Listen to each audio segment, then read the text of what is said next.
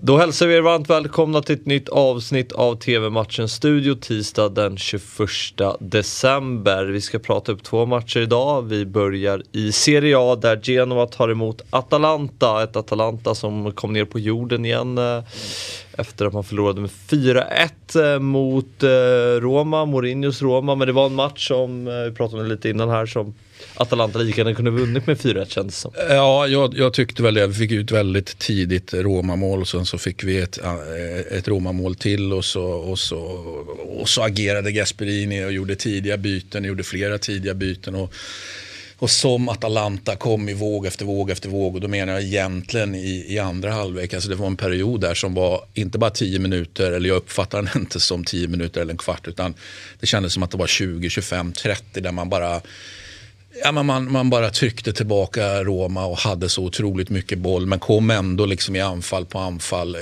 det kändes som att bollinnehavet var typ 90-10. Jag har ingen siffra på det mm. men min känsla var det. Eh, eller 85-15. Alltså, äh, mer än, det, kändes, det kändes mer än 85-15. Det, det, var, det var faktiskt helt sjukt att se. Eh, men bolluslingen ville ju inte in. Så att, eh, så att hade de haft lite, det blir ju så ibland matcherna. Liksom. Och så var det ju väldigt bra målvaktsspel av Rui Patricio. Mm. Vi har snart nått halva serien i Serie A. Om du vill liksom titta på topptabellen. Eh, vi har ju Inter på första plats. Sen har vi ju, där är det ju tajt sen mellan Napoli, Milan och eh, Atalanta. Vilka, mm. vilka ja, jag ändrar inte på mitt eh, tips då eftersom det är det du någonstans kommer till. Jag har sagt att det är fyra som kan vinna den här säsongen och, och jag har också sagt att ja, Inter är den självklara favoriten. Men fyra lite grann på hur saker och ting utspelar sig som faktiskt skulle kunna, kunna vinna. Och det är ju Inter och sen eh, tycker jag att Atalanta faktiskt har ett, eh, något slags slagläge den här säsongen. Eh, också Napoli. Eh, och sen så hade jag Juventus också som mm. Så jag ändrar inte på mitt tips. Att någonstans i den kvartetten har vi så att jag tror med andra ord inte på, på en del andra lag. Till exempel det Roma vi precis nämnde. Liksom. Nej, jag, ser att, jag ser att det är en, en, de får göra upp någonstans där, femma, sexa, sjua. Uh, Genoa då, de har en ganska tuff period just nu, fyra raka förluster. Visserligen med ganska tufft motstånd, man har ju mött eh, Milan, Juventus, sen har eh, varit en tung derbyförlust mot Sampdoria och nu senast förlust mot Lazio. Så det har varit ett ganska tufft spelschema men uh, det ser inte så bra ut. Nej, jag tänkte säga att det tuffa spelschemat är ju inte förklaringen till Nej. att det ser ut som det gör, att de ligger där de ligger. Det här är ju nu får vi ju liksom se, klarar man sig kvar? Mm. Vilket ju är lite dråpligt då med tanke på att man har en ny ägare och så vidare. Och man har ju hunnit sparka tränare då, liksom föga överraskande. Och det är väl föga överraskande om Ja, vi får en januari-mercato nu. Shevchenko fortsätter att gnugga lite. Det vänder inte. Det går en månad till. Och så kommer Ballardini tillbaka. Det, det är liksom, jag ser det framför mig i alla fall. Och så räddar han dem kvar på sista ja, sista omgången, näst sista. Så vi räknar med förlust här av femte raka? Ja, ja. Det, det, måste vi göra. Atalanta studsar tillbaka här? Det gör man definitivt. Det, det är liksom det är ju charmen med, mm. med Atalanta. Det finns liksom ingen avknapp här utan det är bara att tuta och köra. Eh, och, ja, I nio fall av tio går det bra. Eller åtta av tio eller vad det nu är. För, men det är en ganska hög siffra. Ja, så är det. Eh, 2045 startar matchen. Ni ser den på Simor Live 2.